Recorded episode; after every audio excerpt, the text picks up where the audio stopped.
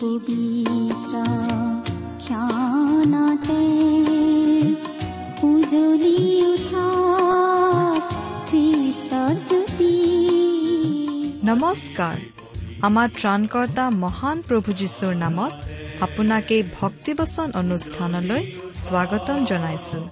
এয়া মুকলি কৰিছো ঈশ্বৰৰ জীৱিত বাক্যৰ ধাৰাবাহিক অনুষ্ঠান ভক্তিবচন। গাওঁ সবে মিলি প্ৰশংসা গীতি।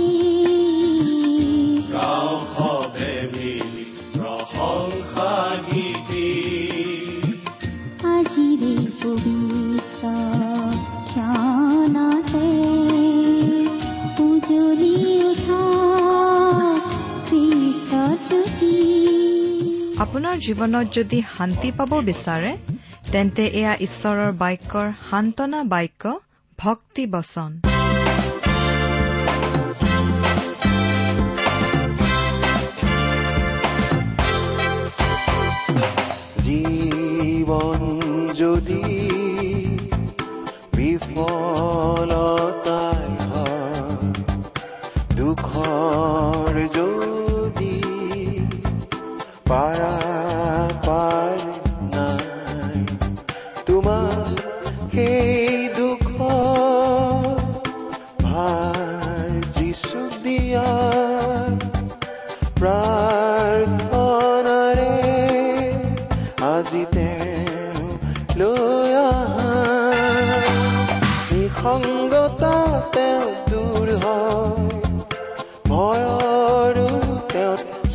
নাই।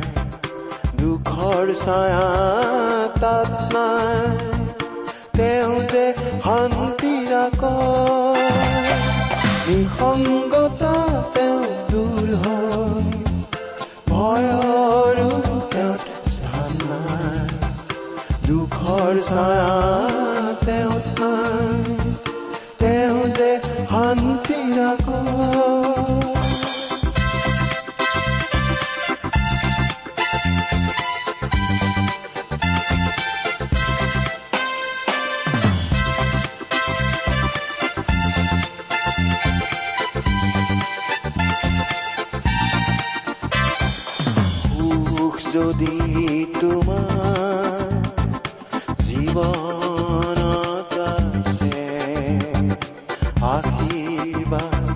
যদি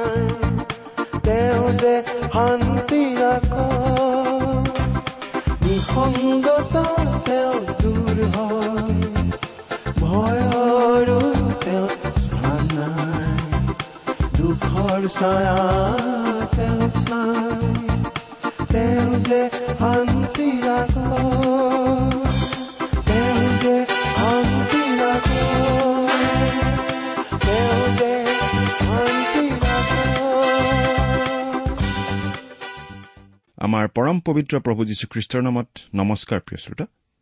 আশা কৰো মহান পিতা পৰমেশ্বৰৰ মহান অনুগ্ৰহত আপুনি ভালে কুশলে আছে। এই বুলিও আশা কৰিছো যে আপুনি আমাৰ এই ভক্তিবচন অনুষ্ঠানটো নিয়মিতভাৱে শুনি আছে। যদিহে আজি প্ৰথমবাৰৰ বাবে শুনিছে শুনি কেনে পালে আমালৈ চিঠি লিখি জনাবচোন? আৰু যদিহে আপুনি আমাৰ নিয়মীয়া শ্ৰোতা কেতিয়াও চিঠি পত্ৰ লিখা নাই আজিয়ে দুখাৰ ইমান লিখিবচোন? আমাৰ যোগাযোগৰ ঠিকনা? ভক্তিবচন টি ডাব্লিউ আৰ ইণ্ডিয়া ডাক বাকচ নম্বৰ সাত শূন্য গুৱাহাটী সাত আঠ এক শূন্য শূন্য এক। ঠিকনাটো আৰু এবাৰ কৈছো ভক্তিবচন টি ডাব্লিউ আৰ ইণ্ডিয়া। ডাক বাকচ নম্বৰ সাত শূন্য গুৱাহাটী সাত আঠ এক শূন্য শূন্য এক। আহকচোন বাইবেল অধ্যয়ন আৰম্ভ কৰাৰ আগতে খন্তেক প্ৰাৰ্থনাত মূৰ দুৱাওঁ। হে আমাৰ স্বৰ্গত থকা মহান পিতৃ ঈশ্বৰ প্ৰথমতেই তোমাক ধন্যবাদ দিওঁ কাৰণ তুমি আমাক আকৌ এটা নতুন দিন দেখিবলৈ দিলা আৰু তোমাৰ বাক্য অধ্যয়ন কৰিবলৈ আমাক আকৌ এটা সুযোগ দিলা। প্ৰভু তোমাৰ বাক্যৰ নিগৃঢ় তত্ব বুজাই দিয়াৰ ক্ষমতা আমাৰ নাই। গতিকে তুমিয়েই সেই বাক্য আমাক বুজাই দিয়া। আমাৰ প্ৰয়োজন অনুসাৰে তুমিয়েই আমাৰ প্ৰত্যেককে কথা কোৱা। আমাৰ মৰমৰ শ্ৰোতাসকলক তোমাৰ মাত শুনিবলৈ দিয়া। কিয়নো এই প্ৰাৰ্থনা আমাৰ পাপৰ প্ৰায়চিত্ৰ কৰিবলৈ ক্ৰুচত প্ৰাণ দি তৃতীয় দিনা পুনৰ জি উঠি এতিয়া স্বৰ্গত আমাৰ বাবে নিবেদন কৰি থকা ত্ৰাণকৰ্তা প্ৰভু যীশুখ্ৰীষ্টৰ নামত আগবঢ়াইছো।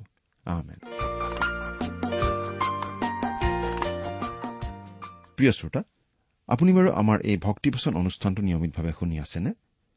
যদিহে আমাৰ এই অনুষ্ঠানটো আপুনি নিয়মিতভাৱে শুনি আছে তেনেহলে আপুনি জানে যে আমি এতিয়া বাইবেলৰ পুৰণি নিয়ম খণ্ডৰ দানিয়েল ভাৱবাদীৰ পুস্তকখনৰ অধ্যয়ন চলাই আছো।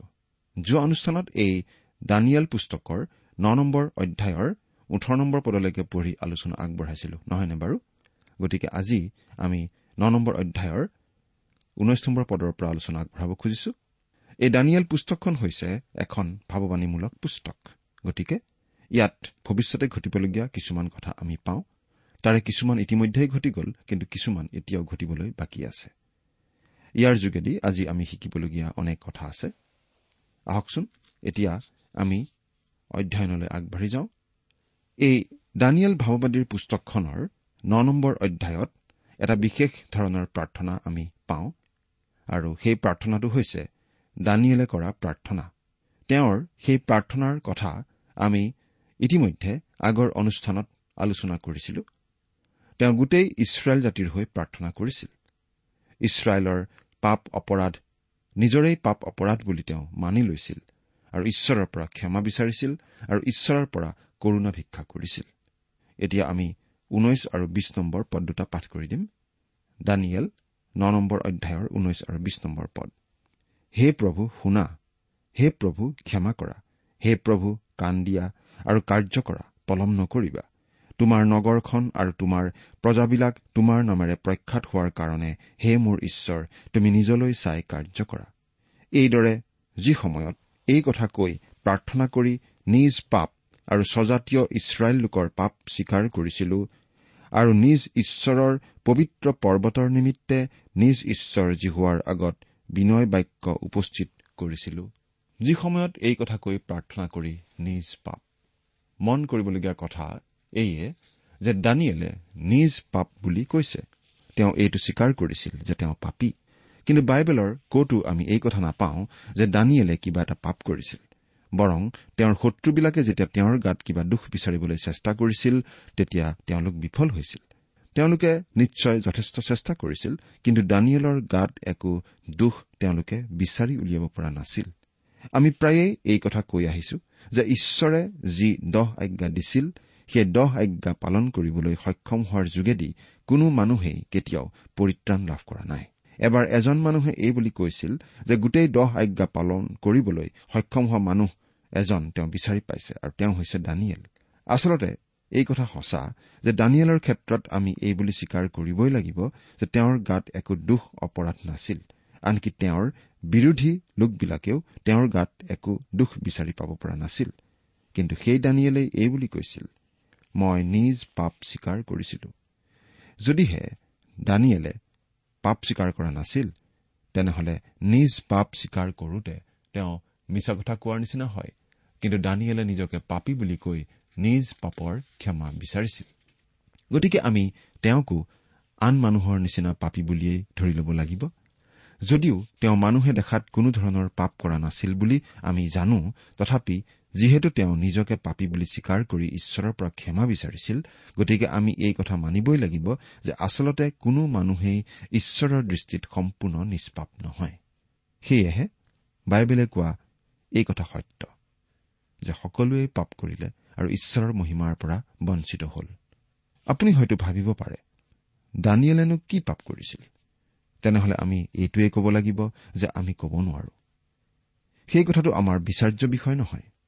আৰু ঈশ্বৰেও দানিয়েলৰ কোনো পাপৰ কথা তেওঁৰ বাক্যত অৰ্থাৎ বাইবেল শাস্ত্ৰত লিপিবদ্ধ কৰোৱা নাছিল। গতিকে দানিয়েলো আছিল পাপী আৰু আমি এই কথা ক'ব পাৰো যে কোনো মানুহেই দহ আজ্ঞা পালন কৰাৰ যোগেদি কেতিয়াও পৰিত্ৰাণ লাভ কৰিব পৰা নাই আৰু নোৱাৰে। দানিয়েলে তেওঁক আৰু তেওঁৰ জাতিৰ লোকসকলক ঈশ্বৰৰ কৰুণাৰ ওচৰত সমৰ্পণ কৰিছিল।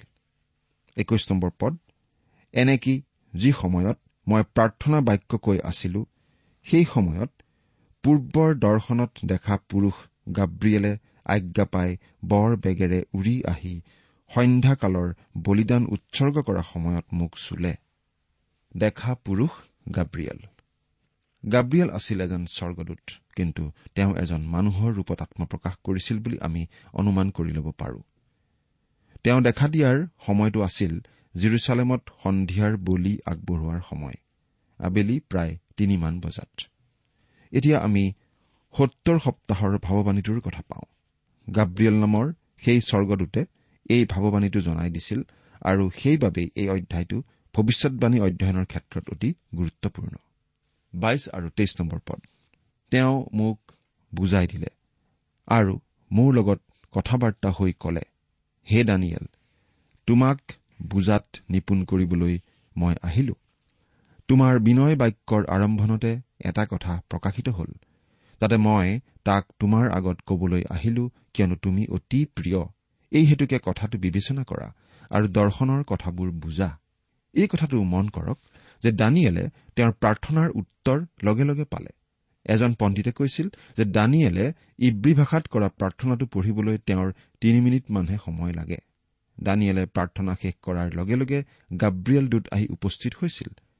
গতিকে সেই পণ্ডিতজনে যথেষ্ট উৎসাহেৰে এই বুলি কৈছিল গাব্ৰিয়েল স্বৰ্গৰ পৰা পৃথিৱীলৈ আহোঁতে তিনি মিনিট সময় লাগিছিল। অৱশ্যে দানিয়েলে প্ৰাৰ্থনা কৰি থাকোতে চকু মুদি আছিল। গতিকে চকু মুদি প্ৰাৰ্থনা কৰি থকা অৱস্থাতেই কিজানি গাব্ৰিয়েল আহি উপস্থিত হৈছিল আৰু দানিয়েলে চকু মেলিয়েই কিজানি তেওঁক দেখা পাইছিল। আৰু গাব্ৰিয়েলে কিজানি দানিয়েলৰ প্ৰাৰ্থনা শেষ হোৱালৈ বাট চাই আছিল। ঈশ্বৰ জিহুৱাই এই বুলি প্ৰতিজ্ঞা কৰিছে।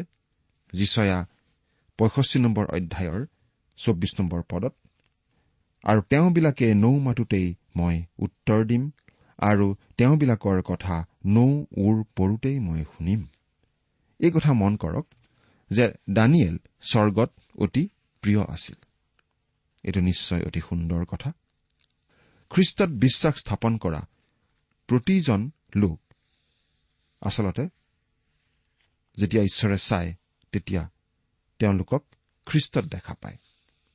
সেইবাবেই আমি ইফিচিয়া পত্ৰত এনেদৰে পঢ়িবলৈ পাওঁ তেওঁ যি অনুগ্ৰহ প্ৰিয়জনাত আমাক দান কৰিলে সেই অনুগ্ৰহৰ প্ৰতাপৰ প্ৰশংসাৰ কাৰণে নিজ মনোবাঞ্চাৰ দৰে যীশুখ্ৰীষ্টৰ দ্বাৰাই তুলনীয়া পুত্ৰৰ বাবৰ অৰ্থে তেওঁলৈ আমাক পূৰ্বৰে পৰা নিৰূপণ কৰিলে।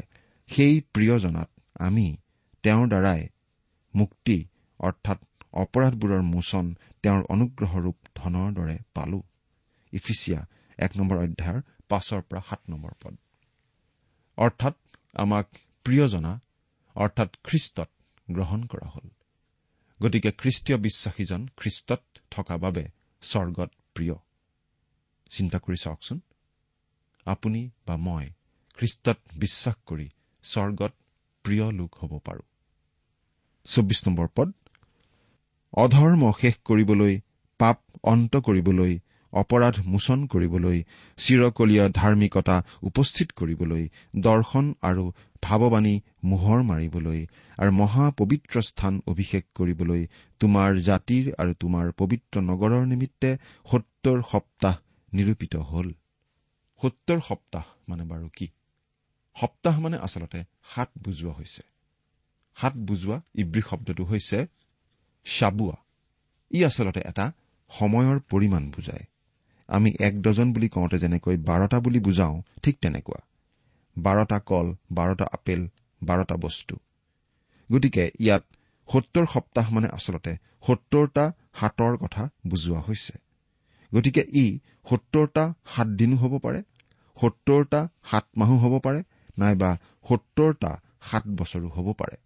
এই পদটোৰ প্ৰসংগ বিচাৰি চালে এই কথা আমাৰ বাবে পৰিষ্কাৰ হয় যে দানিয়েলে জিৰিমিয়া ভাৱবাদীৰ পুস্তকৰ বছৰৰ কথা পঢ়ি আছিল। সত্তৰ বছৰ জিৰিমিয়া ভাৱবাদীয়ে এই কথা ঘোষণা কৰি আছিল আৰু লিখিছিলো যে ইছৰাইল জাতি বাবিল দেশত বন্দী হৈ থাকিব লগা সময়খিনি হ'ব সত্তৰ বছৰ। তেওঁলোকে সত্তৰটা বিশ্ৰাম বছৰ উলংঘা কৰি অহা বাবে তাৰ শাস্তিস্বৰূপে সত্তৰ বছৰ তেনেদৰে বন্দী অৱস্থাত থাকিব লগা হৈছিল।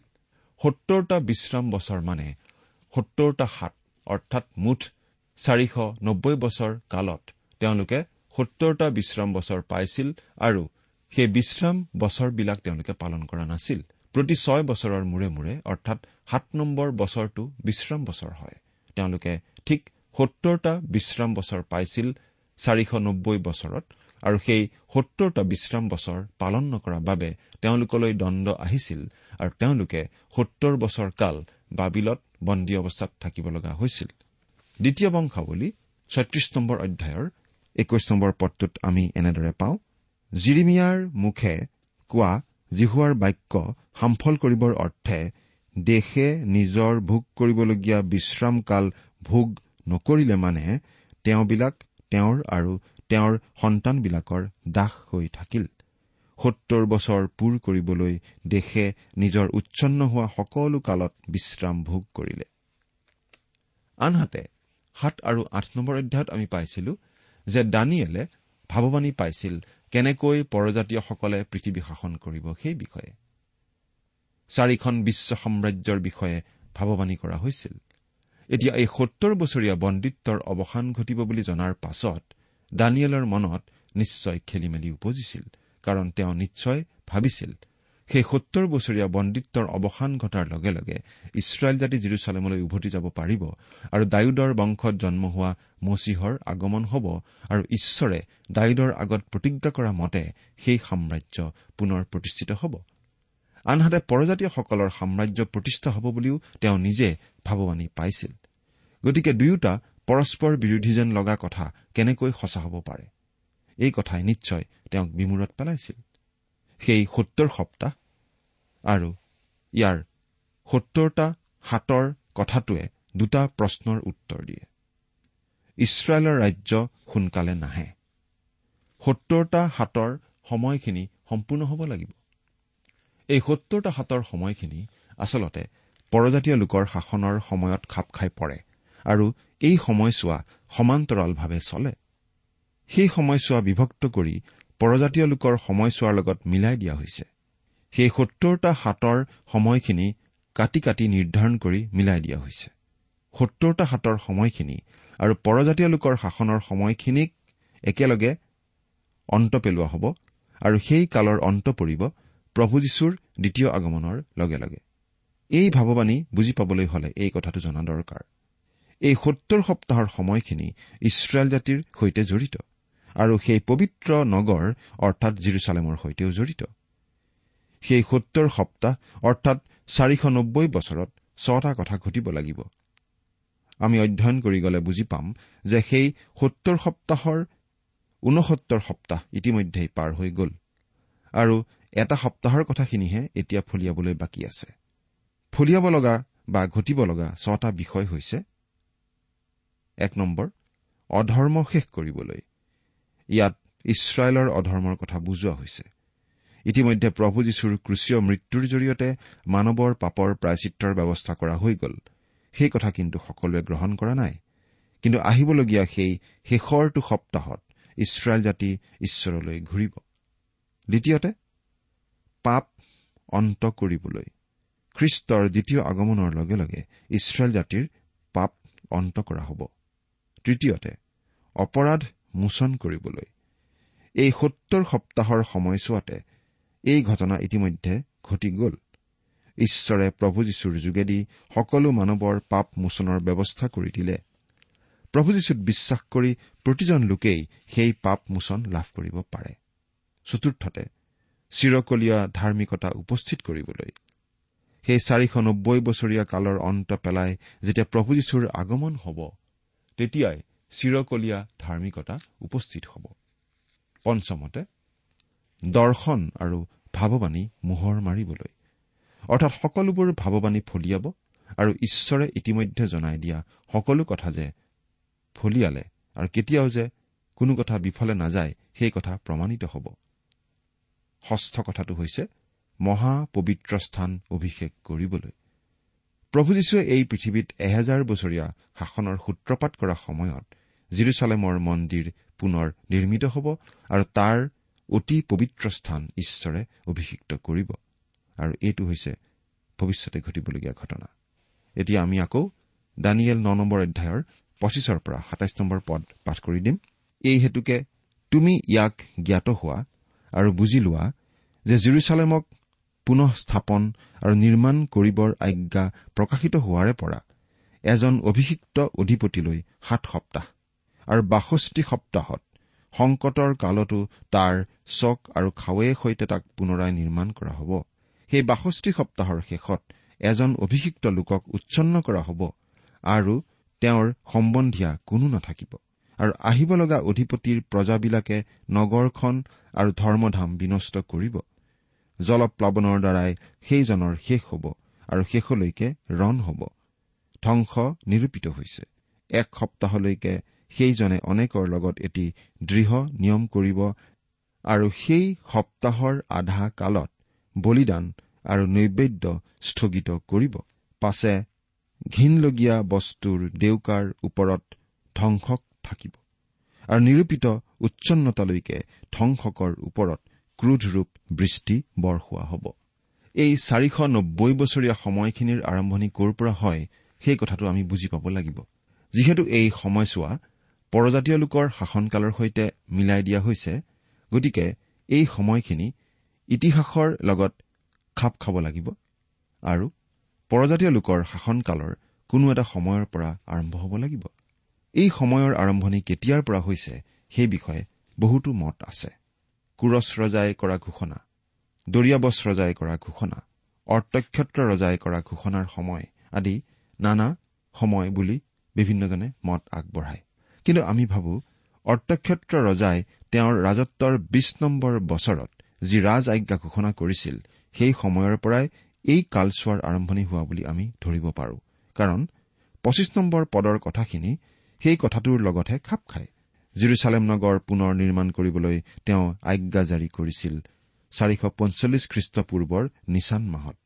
গতিকে সেইটো সময়ৰ পৰাই আমি এই চাৰিশ নব্বৈ বছৰীয়া কালচোৱাৰ আৰম্ভণি বুলি ধৰি ল'ব পাৰো। প্ৰথম সাতটা সপ্তাহে আমাক লৈ আহে তিনিশ সাতানব্বৈ খ্ৰীষ্টপূৰ্বলৈ মলাখীলৈ আৰু পুৰণি নিয়মৰ শেষলৈকে। এই সময়খিনি নানা দুখ ক্লেশৰ সময় আছিল। আৰু তেনে আছিল বুলি নহিমীয়া আৰু মলাখীয়েও সাক্ষ্য দি গৈছে। বাষষ্ঠি সপ্তাহ অৰ্থাৎ চাৰিশ চৌত্ৰিশ বছৰে আমাক লৈ আহে মচীহ অৰ্থাৎ খ্ৰীষ্টৰ সময়লৈকে। এজন পণ্ডিতে দ্য কামিং প্ৰিন্স নামৰ গ্ৰন্থত সময়খিনি হিচাপ কৰি দেখুৱাইছে। আমি আৰম্ভ কৰা সময় অৰ্থাৎ নিচান মাহৰ প্ৰথম দিনৰ পৰা খ্ৰীষ্টৰ সময় অৰ্থাৎ বত্ৰিশ চনৰ ছয় এপ্ৰিল নিচান মাহৰ দহ তাৰিখলৈকে এক লাখ তেসত্তৰ হাজাৰ আঠশ আশী দিন হয়। যিহুদীসকলৰ কেলেণ্ডাৰত তিনিশ ষাঠি দিনত এবছৰ ধৰা হয়। গতিকে এই সময়খিনি তিনিশ ষাঠিৰে হৰণ কৰিলে চাৰিশ তিৰাশী বছৰ হয় অৰ্থাৎ ঊনসত্তৰটা সাত। আৰু এইটো দিনতেই যীশুৱে গাধৰ পিঠিত উঠি জিৰচালেমত প্ৰৱেশ কৰিছিল নিজকে মচীহ বুলি তেওঁ চিনাকি দিছিল।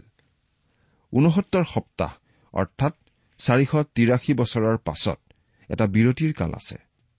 ঊনসত্তৰ নম্বৰ সপ্তাহ আৰু সত্তৰ নম্বৰ সপ্তাহৰ মাজত দুটা অতি গুৰুত্বপূৰ্ণ ঘটনা ঘটিবলগীয়া আছে। প্ৰথমটো হৈছে মচীহক ছেদ কৰা হ'ব অৰ্থাৎ খ্ৰীষ্টক ক্ৰুচত দিয়া হৈছিল। আৰু এয়েই খ্ৰীষ্টৰ শুভবাৰ্তাৰ গুৰুত্বপূৰ্ণ ৰহস্য। মুঠিয়ে লিখা শুভবাৰ্তা ষোল্ল নম্বৰ অধ্যায়ৰ একৈশ নম্বৰ পদত আমি এনেদৰে পঢ়িবলৈ পাওঁ সেই সময়ৰে পৰা যীশুৱে তেওঁৰ শিষ্যবিলাকক দেখুৱাবলৈ ধৰিলে যে তেওঁ জিৰচালেমলৈ গৈ বৃদ্ধ লোক প্ৰধান পুৰোহিত আৰু অধ্যাপকসকলৰ পৰা অনেক দুখ ভোগ পায় আৰু মৃত্যুভোগ কৰি তিনিদিনৰ দিনা পুনৰাই উঠিব লাগিব। আকৌ জোহন তিনি নম্বৰ অধ্যায়ৰ পোন্ধৰ নম্বৰ পদত আমি এনেদৰে পঢ়িবলৈ পাওঁ অৰণ্যত মুচিয়ে যেনেকৈ সাপটো তুলিছিল তেনেকৈ মানুহৰ পুত্ৰ উত্তোলিত হ'ব লাগে। যাতে তেওঁত বিশ্বাস কৰা সকলোৱে অনন্ত জীৱন পাব পাৰে। আৰু দ্বিতীয়তে জিৰচালেম ধ্বংস হ'ব লাগিব।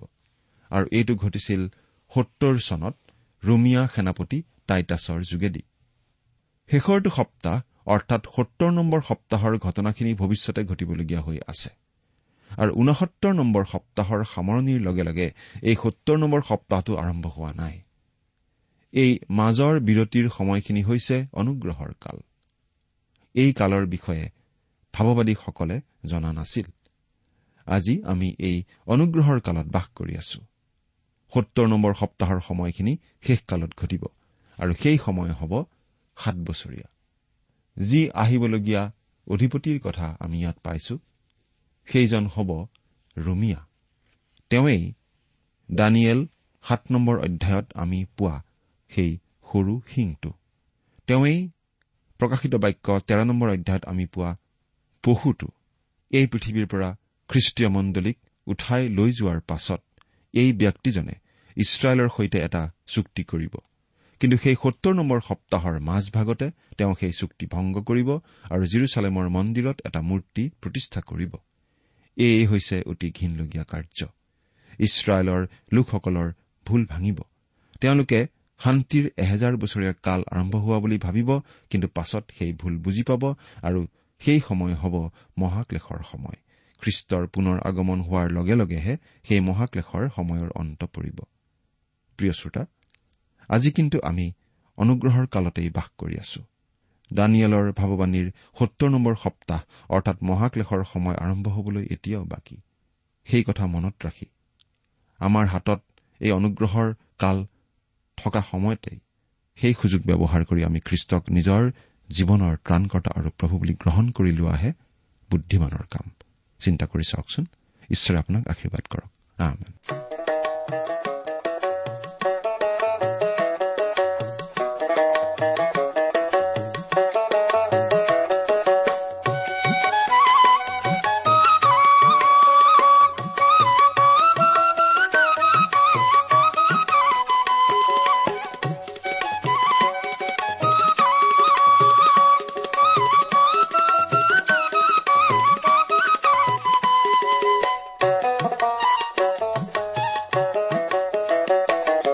কি ভাবিছা বন্ধু ভবাৰ কাম নাই।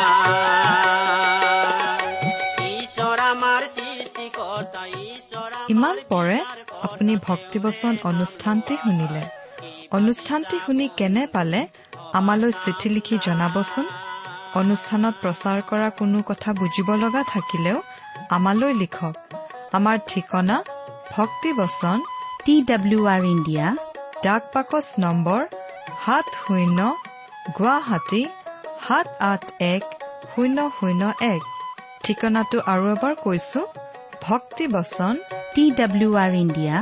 ডাক পাকচ নম্বৰ সাত শূন্য গুৱাহাটী সাত আঠ এক শূন্য শূন্য এক। আপুনি ইমেইল যোগেৰেও আমাৰ সৈতে যোগাযোগ কৰিব পাৰে। আমাৰ ইমেইল আইডিটো হৈছে Assamese T TV at radio' eight eight two dot com আইডিটো আকৌ এবাৰ কৈছো। Assamese T TV at radio' eight eight two dot com আপুনি টেলিফোনৰ মাধ্যমেৰেও আমাক যোগাযোগ কৰিব পাৰে।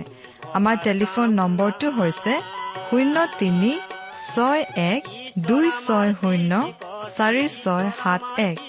ফোন নম্বৰটো আকৌ এবাৰ কৈছো zero' three six one two six zero' four six seven one আজিৰ অনুষ্ঠানটি ইমানতে সামৰিছো। ঈশ্বৰৰ শান্তি আৰু অনুগ্ৰহ আপোনাৰ লগত থাকক। ধন্যবাদ।